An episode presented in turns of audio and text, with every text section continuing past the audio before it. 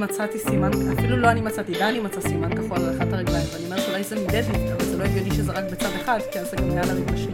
עכשיו אני מגלה גם על הרגליים העליונות שלי, היה לי איזה סימן כחול שבועיים מזה שהפך לצמיגים. ואני כאילו, את יודעת, מקסימום יראה כאילו מרביצים לי בבית, לא משהו רציני. זה חלק אה, מהאופנה, ארתור.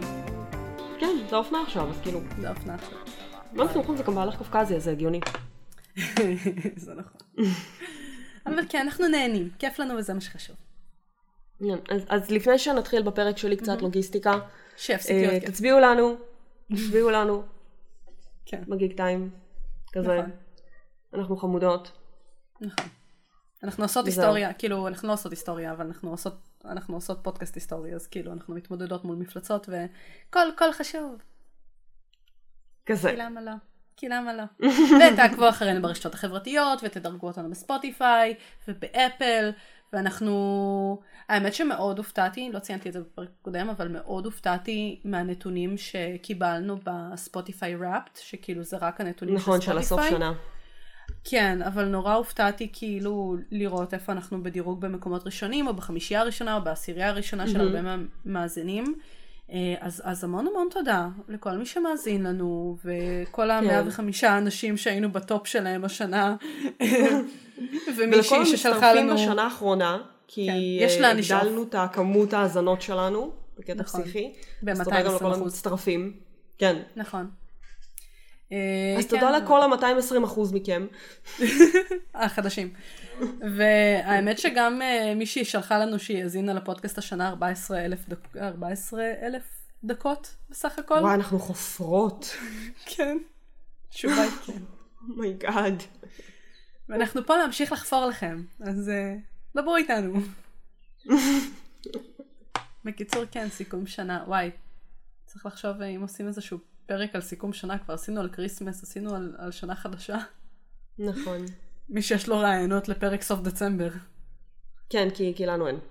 לא, בדרך כלל אין לנו יותר מדי רעיון לפרקים. בכללי, כן. כן. ואז כשאין כאילו, ברירה, אני פונה לפחות את לדון... יודעת. כן. אה?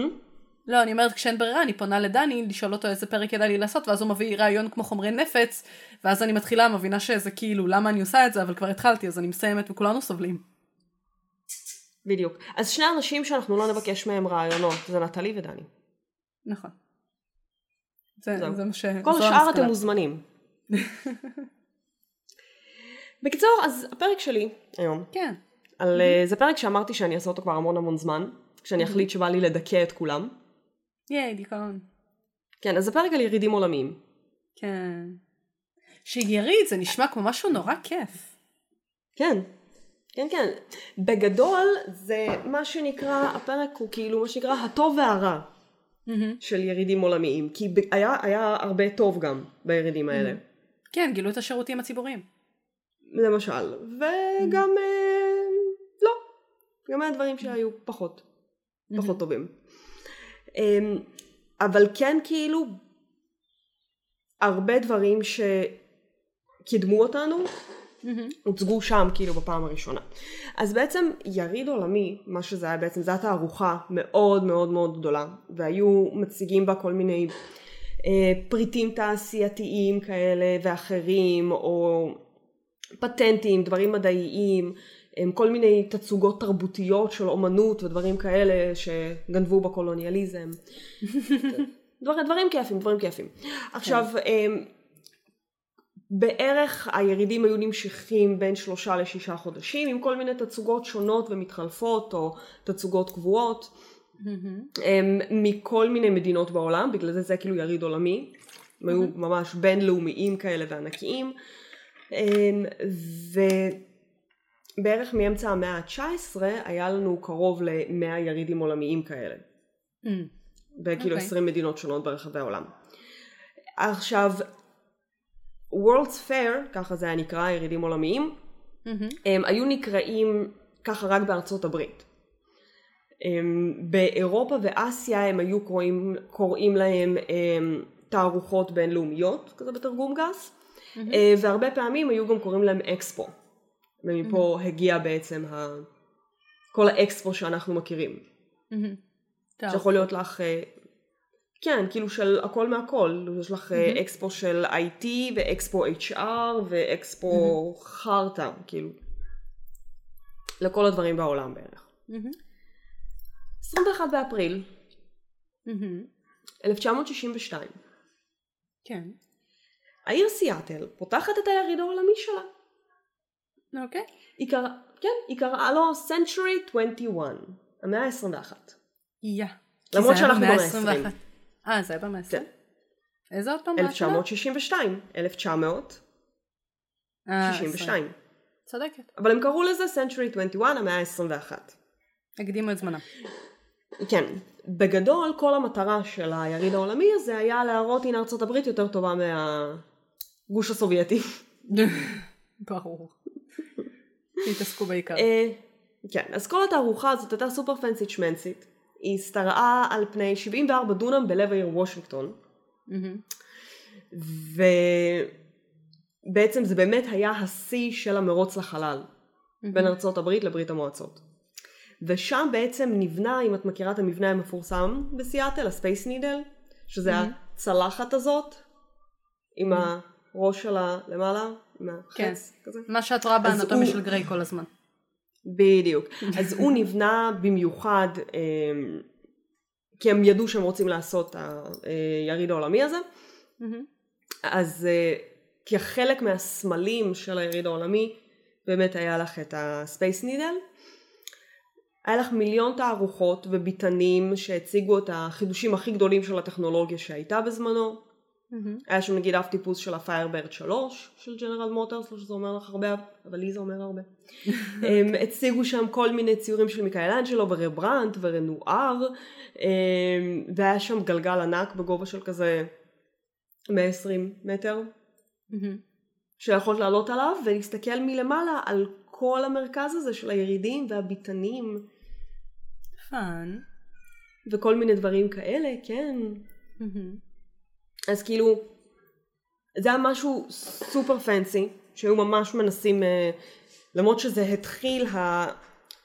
כל הדבר הזה התחיל להיות פופולרי בתחילת המאה ה-19, אבל גם כאילו במאה ה-20, בעיקר בתקופת המלחמה הקרה, היו עושים כל מיני ירידים כאלה נטו כדי להראות את הכוח שיש למדינה, בין אם זה במדע או בין אם זה, את יודעת, בהתקדמות תעשייתית. Mm-hmm.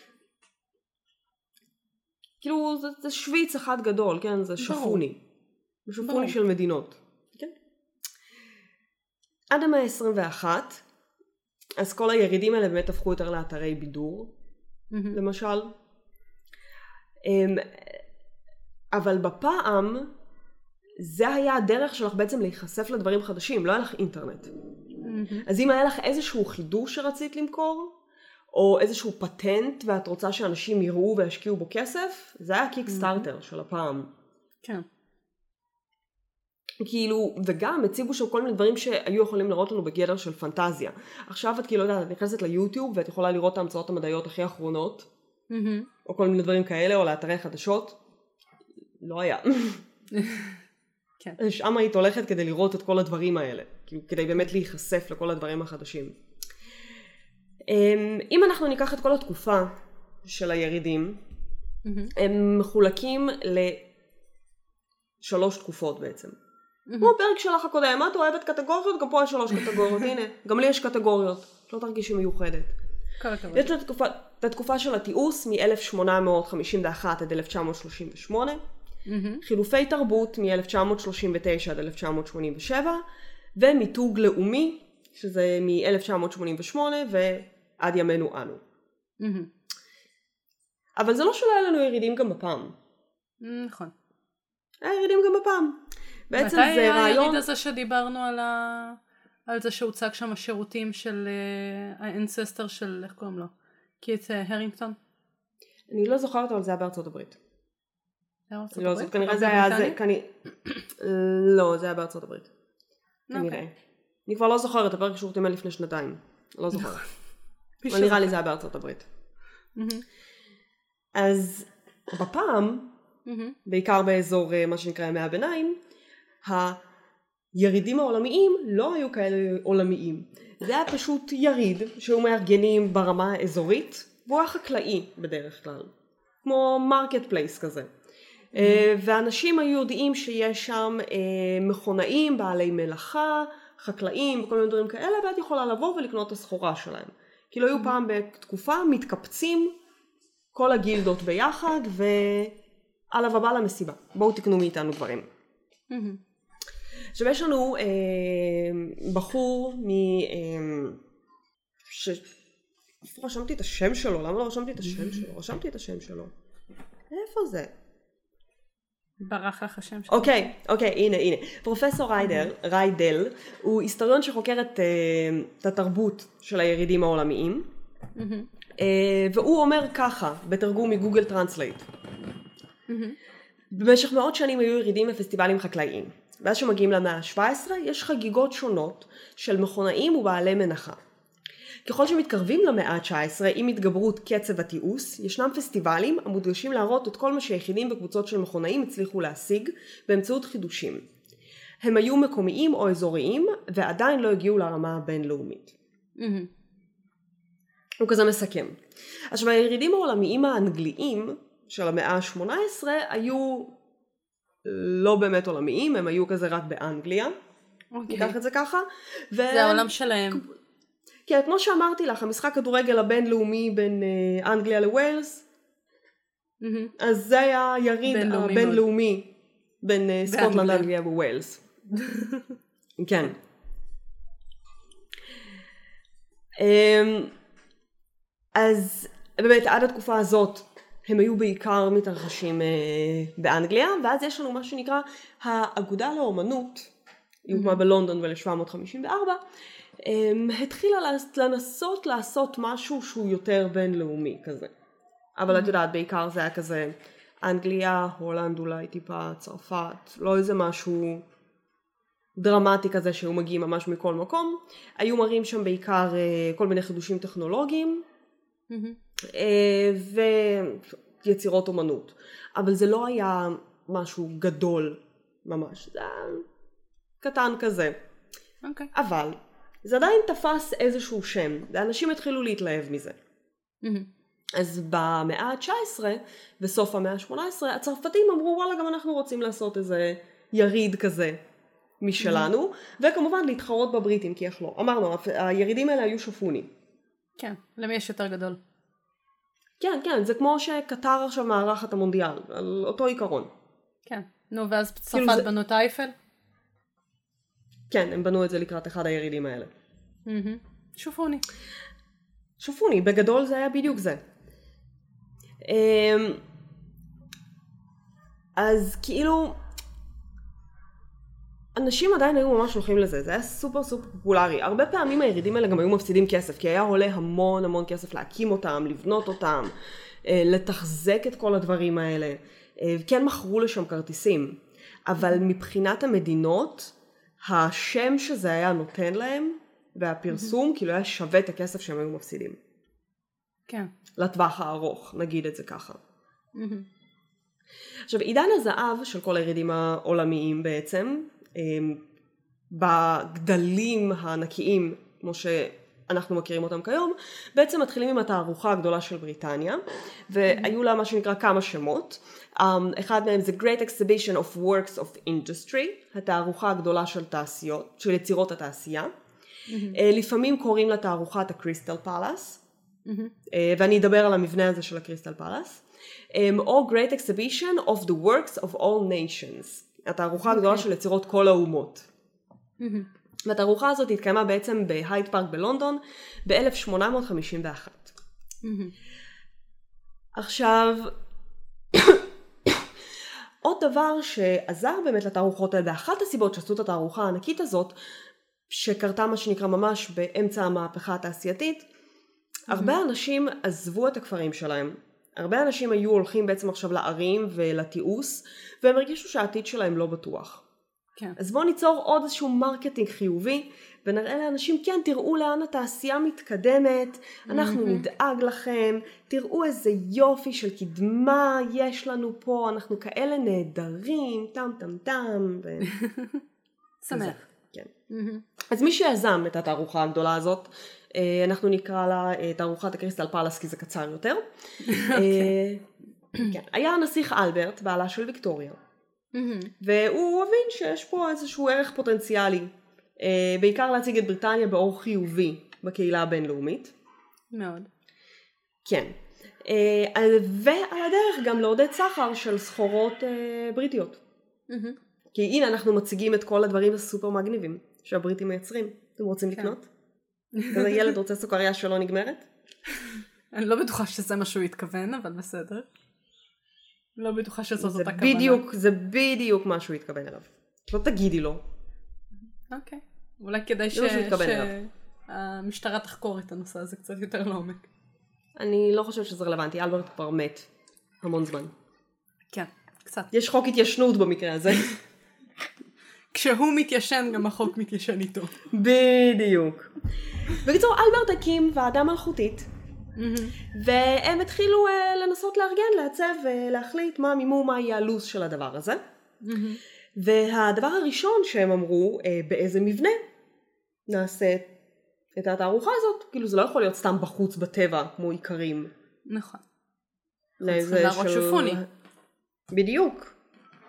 אז שלחו להם מלא כל מיני רעיונות לארכיטקטורות וכאלה, ובסוף החליטו ללכת אה, בעיצוב של ג'וזף פקסטון, שהוא היה בונה של אה, חממות. והוא בעצם בנה את הקריסטל פלאס, שזה, הוא ממש היה בעיצורה של אה, חממה. כי זה מה שהוא הוא ידע. מבנה, כן, הוא היה מבנה של ברזל וזכוכית, ובגלל זה קראו לו קריסטל פלאס. אה, ואנשים היו מגיעים לא רק כדי לראות את, ה... את המיצגים, אלא גם כדי לראות ממש את הארמון הזה עצמו. אני רגע, אני אשלח לך אה, איך זה נראה, זה פשוט היה נראה סופר מגניב. כאילו, בציורים אין לנו באמת אה, תמונות. יותר מדי תמונות של זה. אז כאילו, אנשים היו ממש באים כדי לראות כאילו את המבנה הזה. זה סופר מגניב. אוקיי. עכשיו רק שתביני את הגודל של הדבר העצום הזה. עכשיו הגוף הראשי של הבניין, איפה שהכיפה הגדולה ואת כזה הולכת מצד לצד, היה 50, 563 מטר, הרוחב אוקיי. שלו היה 124 מטר, הגובה היה 108 מטר, וכל הבנייה הזאת תפסה בערך 18 דונם, שטח הרצפה היה 92 אלף מטר מרובע. אוקיי. ובקומת הקרקע ובגלריות היה לך יותר מ-13 קילומטר של שולחנות תצוגה. וואו. כאילו אם היית לוקחת את כל השולחנות תצוגה, מחברת אותם, 13 קילומטר של הדבר הזה. מטורף. זה פסיכי. עכשיו ביריד הזה אה, השתתפו לך 14 אלף אה, מציגים, אנשים ששלחו את התצוגות שלהם כדי להראות, חצי מהם לא היו בריטים. אז צרפת שלחה בערך אה, 1,760 מוצגים, ארה"ב 560, אה, ובין המוצגים האמריקאים היו כמה דברים מעניינים, שזה הצחיק אותי. אה, היו לך אה, אה, שיניים תותבות, רגליים תותבות. זה מה שהם הציגו ביריד העולמי? כן, כאילו זה- שתביני, אה, זה היה תותבות של מישהו ספציפי מעניין או שזה היה... לא, לא, לא, לא, לא. סתם תותבות. נגיד שיניים תותבות שאת יכולה להשתמש בהם. כי בתור פטנט. רגליים תותבות שאת יכולה להשתמש בתור פטנט. את יודעת, היה שם הכל מהכל. אמ, הציגו מוצרי גומי וטבק ללעיסה. מהמם. אמ, קולט הציג שם את אחד האקדחים שלו, כאילו, הכל מהכל. היה לך, אה, נגיד, תערוכות שהיו ממש פופולריות, היו מכבשים הידראוליים, מנועי קיטור, מהמם. משאבות, כאילו literally הכל קדמה. מהכל, פסלים, כן, כן, כל מה שכאילו, עכשיו את באה לאיזה אקספו טכנולוגי, שמראים לך אה, רובוטים יפניים שמטפלים ושומרים על סבים וסבתות, אז על אותו עיקרון. בדיוק, רק עם רגליים תותבות. כן, מהמם. כזה, לחלוטין. איך התקדמנו? ות? ותקשיבי, זה היה מאוד מוצלח, היה לך אה, כמעט 7 מיליון אנשים שבאו אה, לראות את, ה, את התערוכות האלה. מגניב. כן, זה כאילו היה מטורף. אבל אז- למה, איפה הקטע של הדיכאון? אני בדיוק מגיעה אליו. יופי. אוקיי, אני עוד רגע, אני עוד רגע אגיע אליו. אני קודם כל מתחילים מהטוב. מתחילים מהטוב. אוקיי. זה נחמד. בקיצור, המבנה הזה הורד באיזשהו שלב, נבנה מחדש אה, בגבעת סינדהם, זה ב-upper norwood, וזה משקיף כזה על לונדון מדרום. אה, ובמשך מספר שנים באמת הוא היה גם אתר של מופעים, תערוכות, קונצרטים, היו משחקים שם גם כדורגל, כי למה לא? אה, בלילה שבין ה-30 לנובמבר ל-1 לדצמבר 1936 הוא כמעט נהרס בשרפה, כי דברים אוהבים להישרף בלונדון, כמו שלמדנו. נכון. כן, אבל uh, לבסוף הרסו אותו לגמרי ב-1941, כי הוא היה נקודת ציון מאוד בולטת, והם לא רצו שהנאצים יפציצו. וזכוכיות וזה, אז... Uh, לא, לא רצוי, כבר... לא רצוי. כן, אז הוא כבר לא קיים, אין כבר Crystal Palace. אה. יש שחזורים כאלה ואחרים, אבל הוא לא קיים. אז כמו שאמרנו, התקופה הזאת באמת הייתה ממש תור הזהב. אחרי שהקימו את התערוכה של Crystal Palace, היה לנו איזה תור זהב של מלא מלא מלא תערוכות. Mm-hmm. היה לך 40 תערוכות בינלאומיות, ב... כאילו באוסטרליה, בתזמניה, בגואטמלה, בהנוי, mm-hmm. כאילו בכל מקום שביפן היה לך. Mm-hmm. כן, כן, כאילו כל מדינה באמת שרצתה לעשות שפוני, אמרה אני חייבת לעשות יריד עולמי. Mm-hmm. אז בארצות הברית היה לנו גם כמה ירידים כאלה שהתחילו באמת לעשות אותם, כי מה זאת אומרת, אם האנגליה עושה ירידים גם אני רוצה. ברור. ברור, חייבים. אנחנו לא פחות טובים מהם. אז הם עשו, ברור, זאת אומרת, זה שהתנתקנו מהם לא אומר שאנחנו אה, עדיין ה babies שלהם. נכון. בקיצור, ב-1853 בניו יורק mm-hmm. אה, עשו את התערוכה שנקראת Industry of All Nations, או תערוכת התעשייה של כל העמים. אמ, וקראו לה Crystal Palace of New York. בין היתר גם, כן.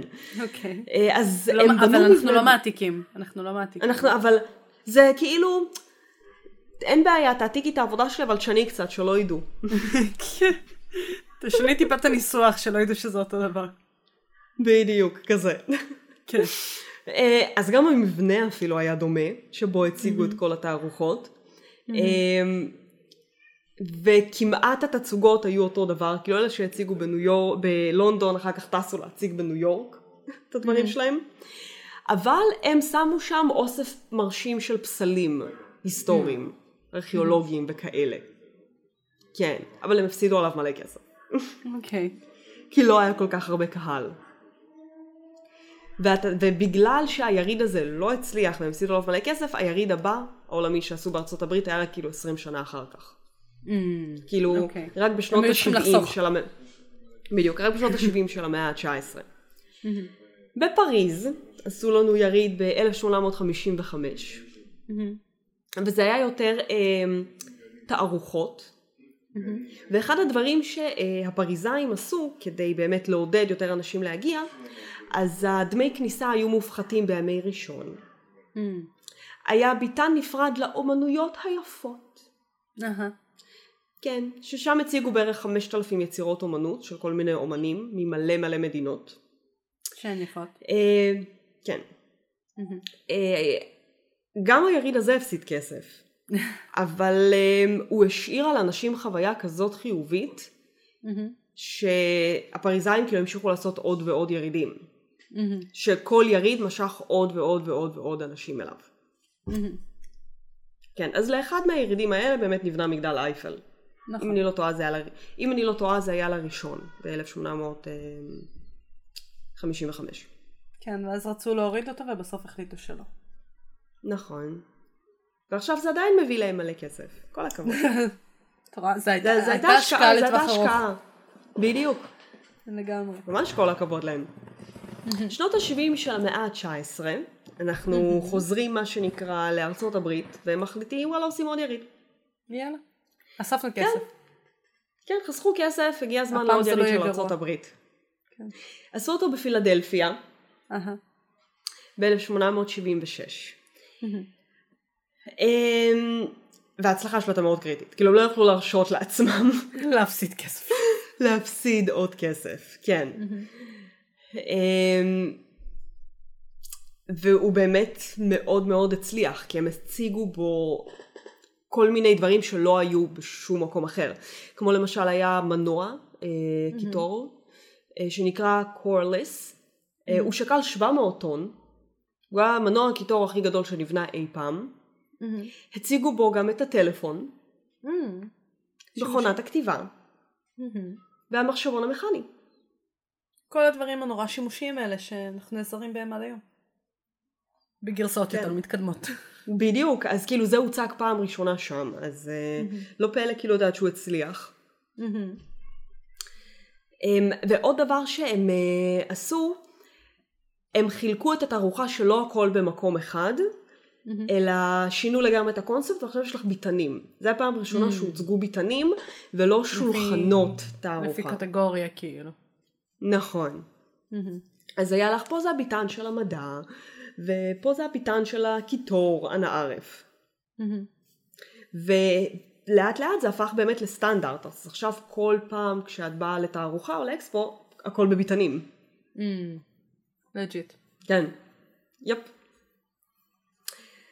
אחת התערוכות היותר חשובות באמת אה, במאה ה-19 הייתה התערוכה הקולומבי... הקולומביאנית העולמית אה, בשיקגו. אה, ברור. קולומביאנית. איך לא תהיה. בשיקגו? ב-1893. אה, פשוט כי ארצות הברית עשתה עליו מלא כסף. כאילו אחרי ההצלחה של התערוכה 20 שנה קודם לכן ב-1876, אז הם עשו שם מלא מלא מלא מלא כסף. אז הם עשו עוד אחת בשביל להביא כסף, אבל קראו לזה קולומביאנית, למה? כן. לא יודעת, לא בדקתי למה זה קולומביאני. כנראה אולי זה היה של אוניברסיטת קולומביה, אין לי מושג, אבל אוניב- אוניברסיטת קולומביה בניו יורק, לא בשיקגו. כן? או שאני מתבלבלת, אני די בטוחה שהיא בניו יורק. אוניברסיטת ניו יורק היא מה- בניו יורק. המ- המאזינים שלנו שגרים בארצות הברית, בשביל מה אתם פה? אני די בטוחה שאוניברסיטת קולומביה היא בניו יורק. בואי נפתח, בשביל מה יש קוקר? רגע. לא, ניו יורק זה... NYU זה אוניברסיטת ניו יורק. אה, נכון, אבל יש לך כמה אוניברסיטאות בין... ב... ניו יורק היא זה big state. את צודקת, אוניברסיטת, אה, אוניברסיטה פרטית בניו יורק, אוניברסיטת קולומביה. יאיי, אז זכרתי. מי כל זאת? הכבוד, אני לא מבלבלת, אני לא מבלבלת את המאזינים הפעם. רק, רק לפעמים. אה, אוקיי, הנה, כן, אז כן רשמתי לי. ב-1889 היה לנו עוד תערוכה בפריז, ששם נבנה האייפל. אייפל. אז את קצת מבלבלת כן. את המאזינים שלנו, אבל מתקנת את זה אחר כך. נכון. אה, לא, מקודם אמרתי שאני לא בטוחה, ונראה לי זה היה לראשונה. אבל אה, כן, ב-1889 מגדל אייפל היה האטרקציה המרכזית באמת של היריד הזה. לטווח ארוך. כן, אז רצו לעשות חיקוי שלו באמת בתערוכה הזאת של קולומביה, שהייתה ארבע שנים מאוחר יותר, ב-1893, אה, אבל אה, לא הצליחו, אבל גלגל הענק עשה שם את הבכורה שלו. עד אז לא היה לנו גלגל ענק. זה שאת עולה ואת מסתובבת. כן, כן. מגניב. ואחד מהדברים באמת שהיה חידושים אה, ביריד הזה בשיקגו, זה שהם עשו רעיון שנקרא מידווי, שבעצם יש לך אזור בילוי אה, ב... בין הביתנים. כלומר לפני זה הידבע היה רק ביתנים. מהמם. אבל הפעם יש לך גם אטרקציות בילוי. כלומר יש לך פה בתי קפה וכזה הופעות אה, וכל מיני דברים למדו כאלה. איך להרוויח כסף בקיצור. כן, ואז כאילו התלהבו מזה ברמות אחרות והתחילו להכניס את האזור הזה של המידווי גם לכל אקספו אחר בערך. ברור, כי בשביל זה באים, בשביל המינגלינג והק- והאוכל והקפה. כן, עכשיו עוד חידוש שהיה באמת בתערוכה הזאת זה הסרטוני How to הראשונים. Mm, כלומר הם לא רק הציגו אה, הנה טלפון, אלא הנה איך אנחנו בונים טלפון. אה, הנה איך יצרנו את הטלפון. זה הסרטוני כזה. DIY הראשונים, כאילו לפני יוטיוב. בדיוק. בלייב. כן. אז כאילו זה היה ממש מגניב, היה לך מלא חידושים, מלא דברים, ושוב, מלא כל מיני, את יודעת, יזמים וממציאים וכאלה, הם השיגו מימון ועוד כל מיני דברים, כאילו, את יודעת, חיפשו משקיעים בירידים האלה. וככה נגיד הרבה דברים כמו הטלפון למשל הפכו לפופולריים, כי אם לא היו מציגים אותם ביריד הזה, אה, לכי תדעי. יכול להיות לא היה לנו טלפון עכשיו, כי זה לא היה תופס. אי אפשר לדעת. כן. תכלס. אז זה, זה היה החלק הכיפי. אוקיי. איפה החלק המעניין? החלק הכיפי והטוב וזה.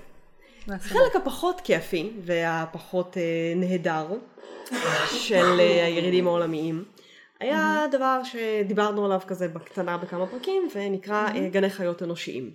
נכון. כן, זה, זה, זה החלק הפחות כיפי.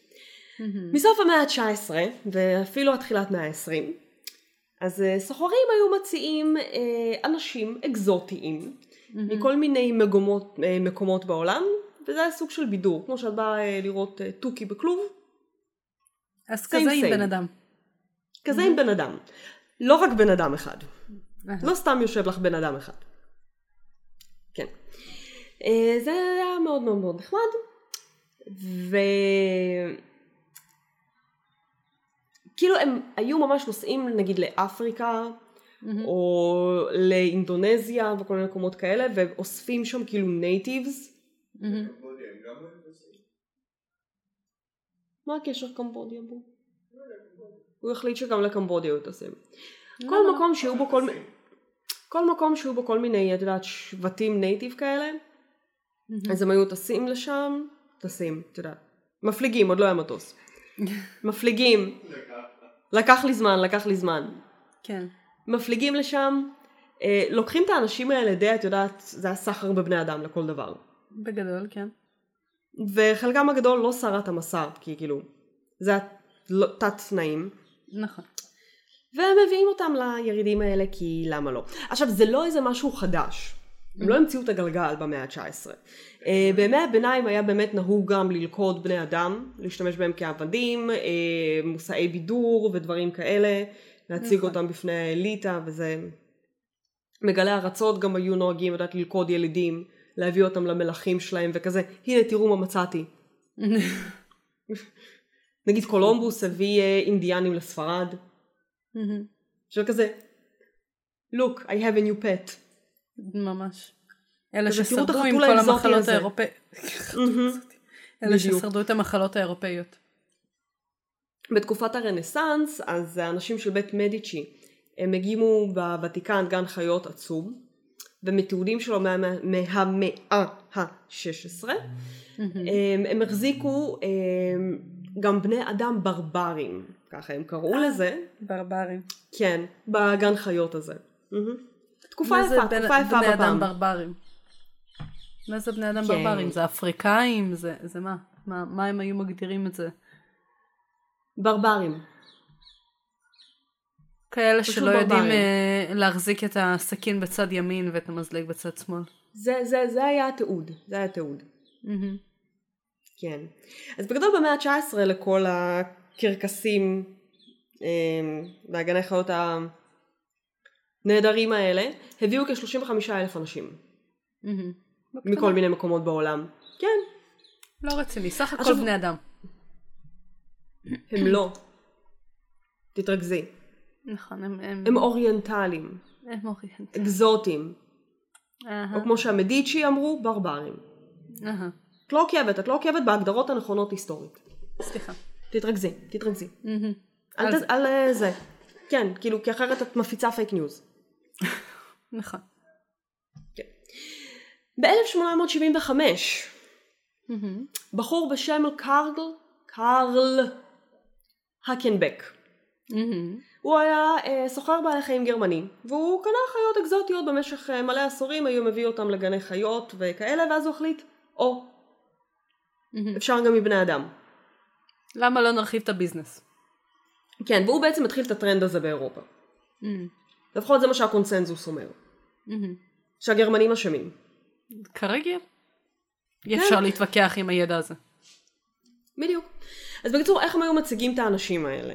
הם היו בונים כמה בקתות קש, כדי שזה ייראה טבעי. מהמם. כזה בוא, בוא, בוא, מה שנקרא, נראה את הברברי in his natural habitat.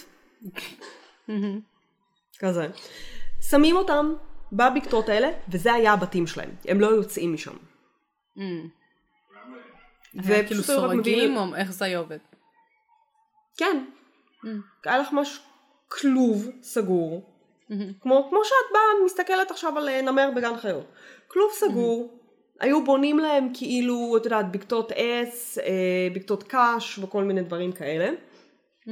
מנסים ליצור שזה ייראה כמה שיותר אה, אקזוטי, נגיד את זה ככה. Mm-hmm. ממקמים שם את האנשים האלה, ואתם חיים שם עכשיו. ומי שהיה בא לראות את היריד, זה היה ממש סוג של כדת מציצנות כזאת. Mm-hmm. כי אנשים היו חיים שם, אז הם היו צריכים לעשות את הכביסה שלהם שם, ללכת לשירותים שם, לאכול שם. האח הגדול. Mm-hmm. אבל שאנשים לא נכנסים אליו מרצונו, מרצונם החופשי. ולא והם לא מרוויחים כסף מיל- בסוף. בדיוק. והם לא מקבלים אה, חוזה פרסום ומיליון דולר בסופו של דבר. וקמפיין למילקי. בדיוק. אז כזה, כן. אז אמ, כן, כאילו יש לך ציטוט של אמ, איזה חוקרת שחקרה את כל הנושא הזה של הירידים העולמיים.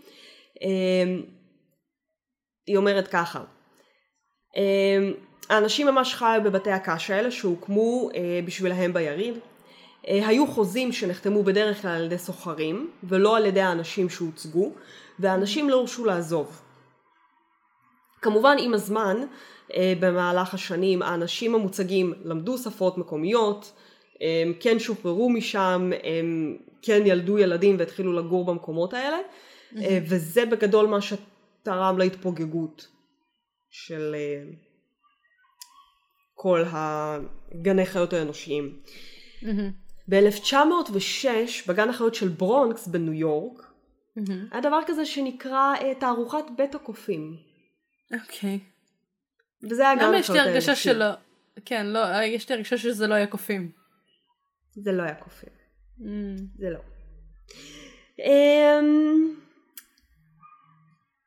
עכשיו הם עשו על זה פרק אה, ב-Dollop על אוטה בנגה אם את זוכרת?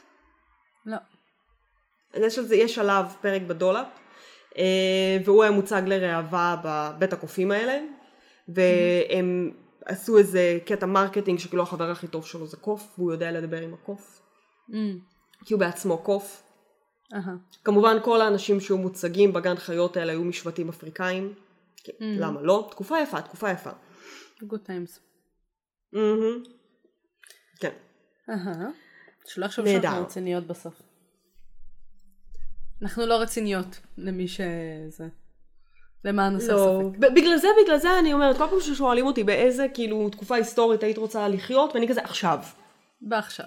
בעכשיו. בעכשיו, בעכשיו, כן. כן. אז כמובן היו אנשים שהיו מוחים נגד הדבר הזה, כאילו היו מחאות לא גדולות, מאוד קטנות, מאוד קטנות.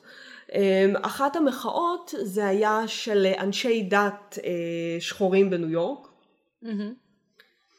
אמ, שהיו, אחד, מהדבר, אחד מהם, אה, ג'יימס אייג' גורדון, שלח אה, מכתב לראש העיר של ניו יורק, והוא כתב שם ככה, אה, הגזע שלנו מדוכא מספיק, אין צורך גם להציג אותנו ביחד עם קופים.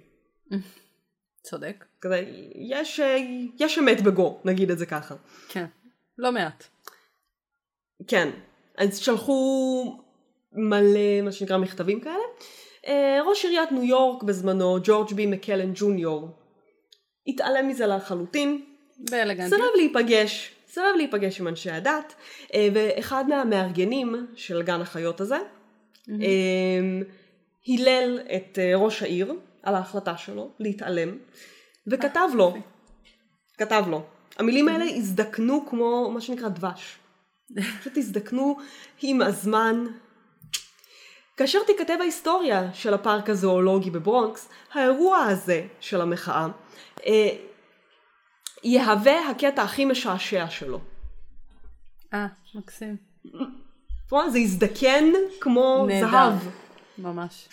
את לא משועשעת מזה שהיה לך גן חיות את לא רואה אותי משועשעת?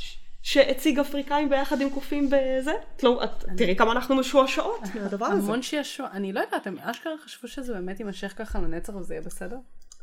כן. מקסים. אישית יונות, כן. כן, כן. מהמם. ב-1903 הייתה את ההפגנה הכי אה, גדולה נגד גני חיות אנושיים והיא נערכה באוסקה ביפן. אוקיי. כן, זו הייתה ההפגנה הראשונה שהייתה באמת מסיבית. התערוכה הזאת תראי, תראי, איך אנחנו אוהבים את היפנים. אה, הציגה קוריאנים.